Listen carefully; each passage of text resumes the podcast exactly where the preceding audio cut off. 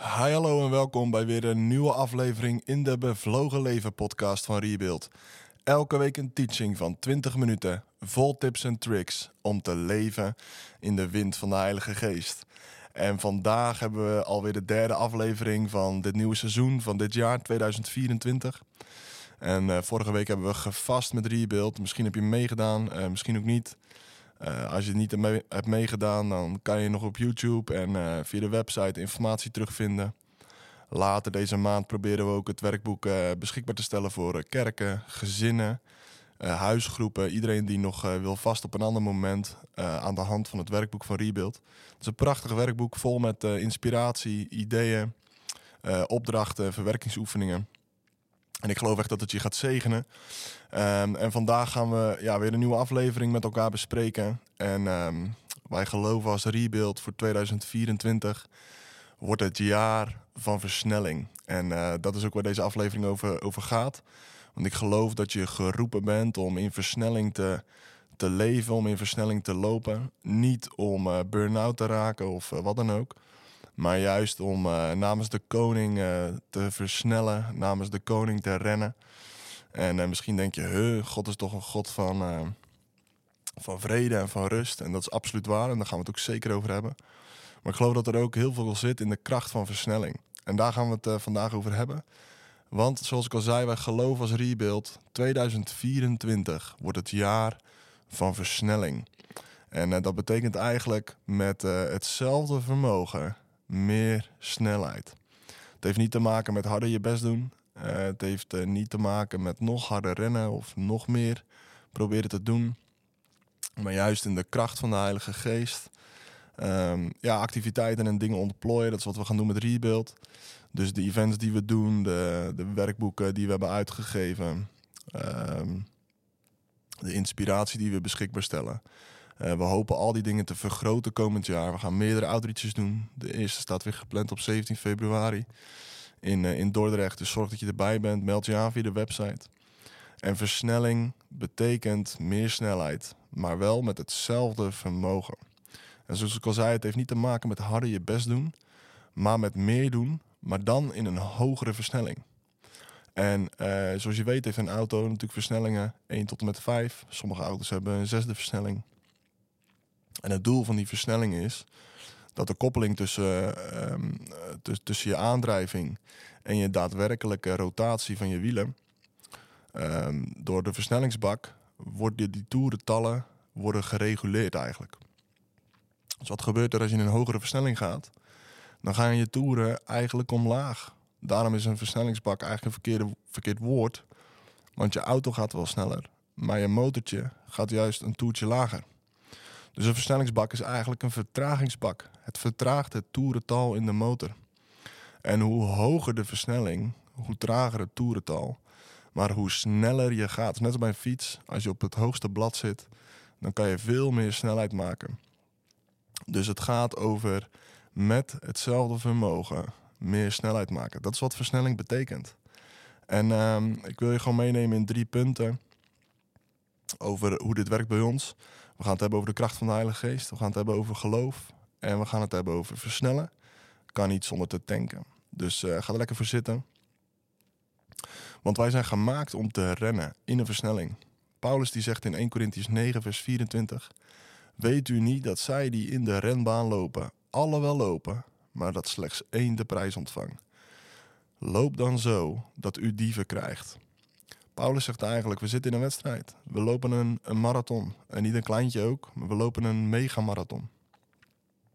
En hij zegt, we moeten die wedstrijd moeten we lopen alsof we de prijs willen winnen.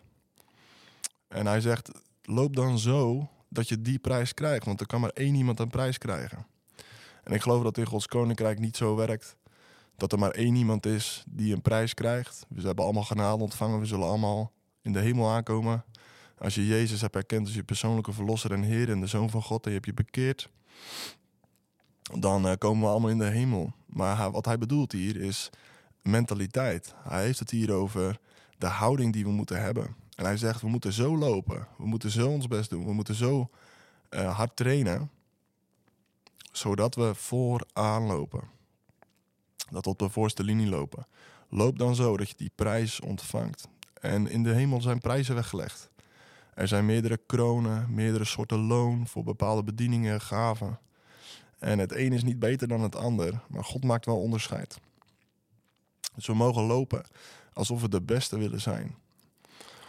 En hij bedoelt natuurlijk niet dat maar één iemand die wedstrijd kan winnen, maar dat we allemaal moeten uh, rennen alsof we willen winnen. Jezus heeft al voor ons gewonnen, uh, maar niet voor ons om toeschouwer te worden, om op de tribune te gaan zitten of om langs de zijlijn te gaan staan met een fluit in onze mond. Nee, we zijn uh, niet geroepen om toeschouwers te zijn, maar we zijn geroepen om hardlopers te zijn. En Jezaja 40 vers 31 zegt, maar wie de Here verwachten, zullen hun kracht vernieuwen. Zij zullen hun vleugels uitslaan als arenden. Zij zullen snel lopen en niet afgemat worden. Zij zullen lopen en niet moe worden. Hoe doe je dat? In vredesnaam. Goeie vraag. Daar gaan we het over hebben. Hoe loop je nou alsof je die beste wil zijn, alsof je die prijs wil winnen voor die hardloopwedstrijd, voor die marathon die we allemaal lopen? En nummer één is niet uit eigen kracht, maar door de kracht van de Heilige Geest. Door de hand van God. En is een bijzonder verhaal wat je misschien wel kent. Wat staat in 1 Koningen, Koningen 18. Dat is het verhaal van Elia. En uh, waarschijnlijk je het verhaal wel. Bovenop de berg roept hij tot God. God zendt zijn vuur. En uh, verteert heel het uh, offer wat op het altaar ligt. En um, de, de Baal-profeten worden verslagen en verslonden. Een beetje een luguber verhaal, maar... en uiteindelijk gaat Elia bidden dat het weer gaat regenen. Want hij had gebeden dat de regen zou stoppen. Dat was de vloek van God over het land. Maar door zijn gebed ja, roept hij eigenlijk tot God en zegt: Heer, ik bid dat het weer gaat regenen. En hij laat zijn knecht telkens op de berg kijken. Om te kijken of de regen al gekomen is. En na zeven keer bidden verschijnt er een heel klein wolkje uit de zee. En dan zegt, tegen, dan zegt Elia tegen Agab: Ga nu naar Israël. Dat was een stad die uh, 42 kilometer uh, bij die berg vandaan lag. 42 kilometer. Precies ook, dat is ook precies de afstand van een, van een marathon. Uh, mensen zijn er nog een beetje twijfelachtig over. Sommigen zeggen het is 40, anderen zeggen het is 50 kilometer. In het Engels zeggen ze 20 mijl. Ja, volgens mij is dat iets van uh, 6 of 37 kilometer. Hoe dan ook, was het tussen de 37 en de 50 kilometer. Tot aan die stad, vanaf die berg. En wat gebeurt er dan? Dan kunnen we lezen in 1 Koningen 18 vers 46 dan staat er dat uh, Elia kreeg kracht door de hand van God. En dan staat er, hij, omge hij omgorde zijn middel en hij liep voor de veldwagen, voor de paarden van Agap uit. Dus Agap, die ging vanaf die berg terug naar Israël rijden met zijn paard en wagen. Uh, eh, 40 kilometer ongeveer, 42 kilometer. En de hand van God is op Elia en hij krijgt kracht. En dan staat er, hij omgord zijn middel en hij snelde zo naar Israël. Uh, en hij snelde Agap voorbij. Hij rende hem gewoon voorbij. Hij haalde Agap gewoon in. En een paard en wagen, die uh, rijden ongeveer 40 km per uur. En Elia rent daar gewoon, uh, rent daar gewoon voorbij. Usain Bolt, die kan op zijn aller, aller, allerhardst lopen. Loopt hij 44 km per uur voor slechts enkele seconden. Dat is op zijn aller, allerhardst. Niemand ter wereld kan dat. Alleen Usain Bolt. 44 km per uur. En dan echt maar drie of vier seconden. Dat is een top. Meer lukt hem niet. En Elia doet dat gewoon een uur lang. Vanaf die berg naar Israël rent hij zo Agap voorbij. Voor die wagen uit. En hij is er eerder dan Agap. Je kan twee dingen leren uit dit verhaal van Elia. Eén, Elia kon dit niet zonder de kracht van God. Dus door de kracht van de Heilige Geest, de kracht of de hand van God, daar ontvang je kracht van. Daar ontvang je eh, vermogen van. En toeren, om het even zo te zeggen, om die snelle uh, renloop of die snelle wedloop te kunnen lopen. Mijn tweede is, voordat Elia begint te rennen, staat er hij omgorde zijn middel. En misschien ben je wel bekend met de wapenrusting.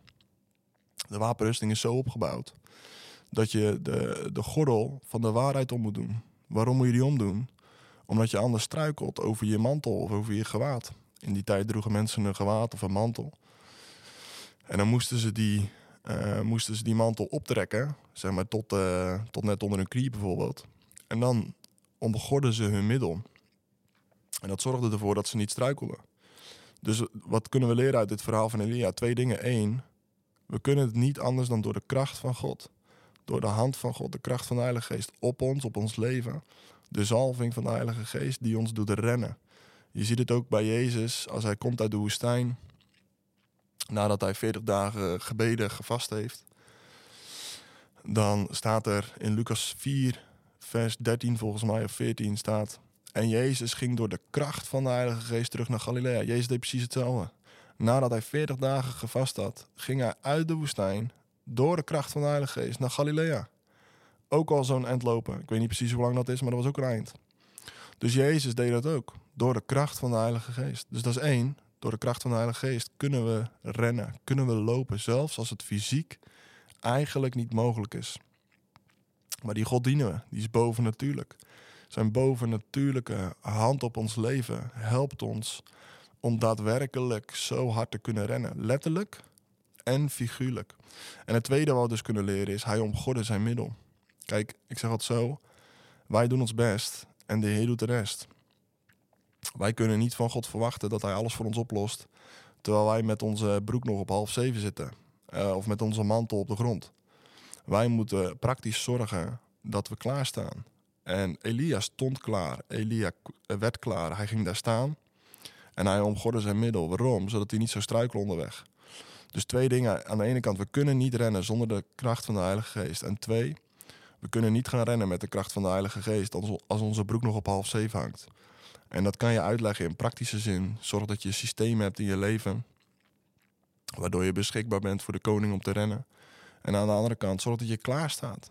Zorg dat je klaar staat met je ogen en je blik gericht op Jezus. Niet op de omstandigheden, niet op allerlei pietluttigheden. Maar zorg dat je klaar staat en ready bent. Heilig en rein leeft. Dus wij doen de praktische voorbereiding en hij geeft zijn kracht. Nummer twee. Hoe we kunnen rennen, hoe we in die wedloop kunnen rennen, hoe we kunnen versnellen, is door geloof. En wat ik veel om me heen zie, en ook veel bij mezelf trouwens, hoor, dat moet ik er ook eerlijk bij zeggen. Als het gaat, ik gebruikte net het voorbeeld van een versnellingsbak en een auto. Stel je eens voor dat je de Pyreneeën rijdt. En je rijdt op een hele hoge berg. Of je rijdt er tegenop. Dan moet je natuurlijk uh, in zijn 1 of in zijn 2 of in zijn 3. En dan heel hard gas geven. Nou, heel veel mensen leven op die manier. Ze zien bergen voor zich. En in plaats van dat ze gaan bidden, gaan ze heel hard tegen die berg op proberen te rijden. Dus ze beginnen gas te geven, gaan vol in de 1. En wat gebeurt er dan? Net als bij een auto, raakt je motor oververhit. Voor je het weet sta je langs de kant van de weg met pannen. Jaren geleden gingen mijn vrouw en ik op vakantie.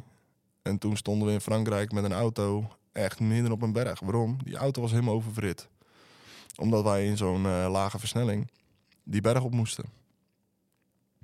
En heel veel mensen leven ook een beetje zo. Zodra er pro problemen zijn, zodra ze een berg voor zich zien, zodra ze een muur zien, zodra ze niet meer weten uh, hoe ze, uh, of zodra ze uit het veld geslagen ra raken door een berg, beginnen ze vol gas tegen die berg op te rijden.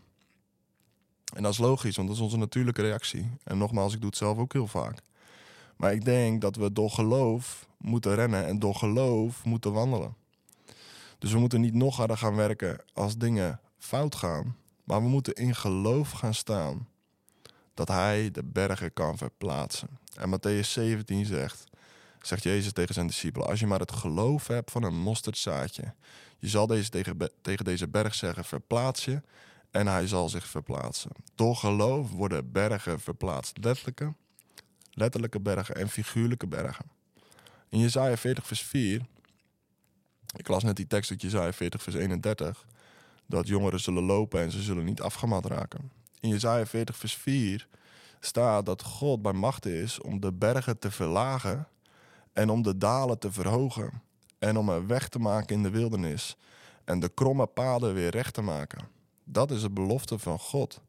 Dat is de belofte van God voor ons, dat Hij de bergen wil verlagen en de vlaktes wil verhogen. Nou, wat krijg je dan? Dan krijg je één lange, rechte, vlakke weg. Zonder hindernis, zonder tegenslag, zonder dat je keihard moet werken. Alles wat het vraagt is geloof. Nou, en hoe, bouw je geloof? Door te bidden, door te vasten, door te zeggen: Heer, ik heb hier een berg. Maar u, u weet wat deze berg betekent. U weet wat uw plan is met mijn leven. En u weet dat deze berg, of deze berg moet aan de kant, of u tilt mij eroverheen. En dat is hoe je gebedsleven eruit moet zien. Dat Als je tegen een berg aan loopt, een figuurlijke berg, en dat kan van alles zijn in je leven. Kan, kan in je gezin zijn, kan op je werk zijn, kan in je vrije tijd zijn, in je vriendengroep. Als je tegen een berg oploopt, niet harder gaan werken en nog harder gaan proberen te rijden in die laagste versnelling. Met als gevolg dat je oververhit raakt. Maar gaan bidden en zeggen: Heer, hoe gaan we deze berg aan de kant krijgen? Heer, wat is uw wil? Heer, hoe gaan deze dalen omhoog? Want ik zit nu in een dal. Heer, ik zit in een wildernis. Ik heb geen idee. Het is één grote chaos in mijn leven. Maar u maakt een recht pad in de wildernis, zegt uw woord. Jezaja 40, vers 4. En als je geloof hebt, zeg tegen, tegen deze berg dat hij, dat hij zich moet verplaatsen en hij zal zich verplaatsen. Zo werkt geloof. Is dat we eerst geloof ontvangen en dan spreken in geloof. Dus we gaan spreken tegen die problemen. We gaan spreken tegen die berg. We gaan spreken tegen dat dal. We gaan spreken tegen die wildernis. En we proclameren Gods woord over die situaties. Als niet weet wat je moet doen, altijd aan. Dus het eerste, en hoe we kunnen rennen en hoe we kunnen leven in versnelling is door de kracht van de Heilige Geest, door de hand van God. Het tweede is door geloof. En het derde, de laatste, is je kan niet versnellen zonder te tanken. Nou, wat gebeurt er als jij 600, 700 kilometer lange rechte weg hebt, zonder bergen of dalen? Dan kan je gewoon 130, als je in Duitsland bent, kan je 230 rijden. Ik weet ook wel eens een keer, toen kwamen we terug uit Frankrijk of eh, weet ik veel, Italië of Oostenrijk. Toen reden we via Duitsland terug. En dan heb je best wel zo'n hele lange weg. En dan kan je gewoon vol gas rijden. Het was super rustig. En heel weinig bergen. Nou, wat gebeurt er dan na 400 kilometer 160 rijden of 170? Is je tank leeg. Je kan niet versnellen zonder te tanken. En ik geloof dat heel veel mensen kiezen voor een stabiel en ritmisch leven, waarbij ze het op eigen kracht uithouden. Zeg maar een beetje 80 rijden op de rechterbaan. Uh, terwijl je ziet in de Bijbel, bijna alle geloofshelden uit de Bijbel deden bovennatuurlijke dingen. En hadden tegelijkertijd de intimiteit met God duizend procent nodig. Je ziet hetzelfde bij Elia. Die rent van die berg naar Israël, 40, 50 kilometer, in een uurtje tijd, misschien minder. En daarna spreekt die een vloek over hem uit. En wat doet Elia? Hij reist nog een dag verder en gaat dan ergens onder een struik liggen. En, en, en zegt dat hij eigenlijk dood wil. Hij ziet het leven niet meer zitten. En dat is natuurlijk niet, niet goed. maar je ziet in de Bijbel heel veel geloofshelden gaan van pieken naar dalen. Uh, en ik denk dat we uh, niet bedoeld zijn om een, een middelmatig leven te leiden. Ik denk dat we geroepen zijn om een bovenmatig leven te leiden, om een leven te leiden in versnelling. Maar versnellen kan niet zonder tanken. Jezaja 40 vers 31 zegt, maar wie de Heeren verwachten, die zullen hun kracht vernieuwen. Zij zullen hun vleugels uitslaan als arenden. Zij zullen snel lopen en niet afgemat worden. Zij zullen lopen en niet moe worden. Nou, hoe zorg je nou dat je niet moe, niet moe wordt? Of uitgeblust? Of uh, misschien beter zo gezegd, even in de beeldspraak, met een lege tank langs de weg staat. Zorg dat je tankt. En Jezaja 40 zegt, maar wie de Heeren verwachten, in het Engels staat daar, those who wait upon the Lord. Nou, laat je me dit vertellen. Wachten en verwachten is niks anders dan stilzitten. Stilzitten en wachten op God. Stilzitten en aan zijn voeten zijn. Het gaat over ritme. Het gaat over een leven in afhankelijkheid van Hem. Versnelling heeft alles te maken met vertrouwen. Dus ook als je het gevoel hebt dat je nog heel veel moet, maar je voelt ook dat je tank leeg is, zorg dat je langs de kant van de weg gaat staan. Of zorg dat je een tankstation opzoekt.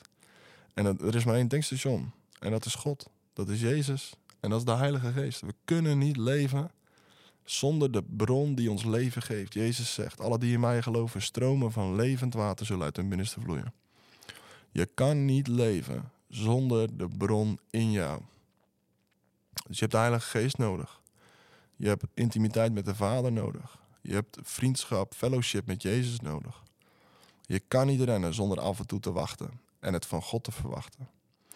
Jezus zocht ook altijd de stilte op nadat hij wonderen had gedaan, bijvoorbeeld. Dus je ziet een constant ritme van Jezus, die enorm grote wonderen doet en de dag daarna vroeg opstaat en de bergen intrekt om daar in de stilte te zijn. En zo mag het ook met ons zijn. We hoeven geen middelmatig leven te, leiden en als het ware 80 km per uur op de rechterbaan te rijden. Want ja, dan houden wij het het langst vol. Nee, we mogen leven in de kracht van de Heilige Geest, door de hand van God. In geloof, door bergen uh, te verzetten. Door tegen dalen te spreken en in de wildernis God een, een recht pad zien maken. En tegelijkertijd door gewoon af en toe lekker aan het hart van de Vader te zitten. We hebben dat zo nodig. We hebben het zo nodig om in de aanwezigheid van de Vader te zijn en daar op te laden. Dus versnelling heeft alles te maken met de prijzen willen winnen. Niet uh, de beste willen zijn, maar je lichaam zo harde, zo toewijden aan het werk van zijn koninkrijk. Dat je als het ware vooraan loopt in die wedstrijd, aangemoedigd door al die geloofshelden uit Hebreeën 11. Geloofshelden net als Elia, die als het ware op de publieke tribune zitten en je aan zitten te moedigen. We zijn gemaakt voor die versnelling. Dat kan alleen door de kracht van de Heilige Geest. Kan alleen door geloof. En kan alleen door af en toe bij te denken op het moment dat nodig is. En versnelling heeft alles te maken met vertrouwen. En mijn verlangen voor jou dit jaar is dat je echt gaat leven in die versnelling. Door de kracht van de Heilige Geest. En in de rust en afhankelijkheid van Hem.